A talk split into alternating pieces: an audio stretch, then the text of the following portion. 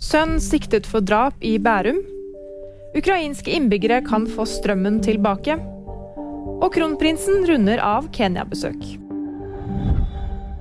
Politiet forteller at de har siktet en mann i 50-årene for drap.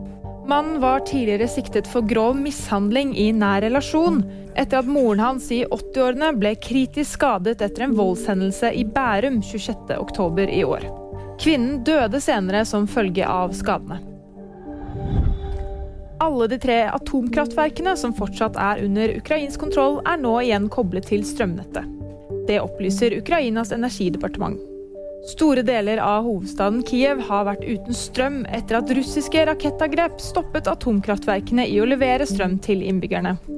Innbyggerne skal etter planen få tilbake tilgangen på strøm fra torsdag kveld.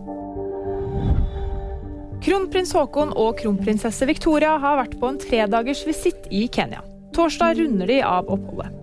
Besøket skjer i regi av FNs utviklingsprogram UNDP. På onsdag sto både treplanting i mangroveskogene og festmiddag i Nairobi på programmet.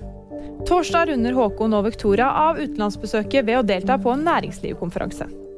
Og VG-nyheter fikk du av meg, Fride Rivø Lie.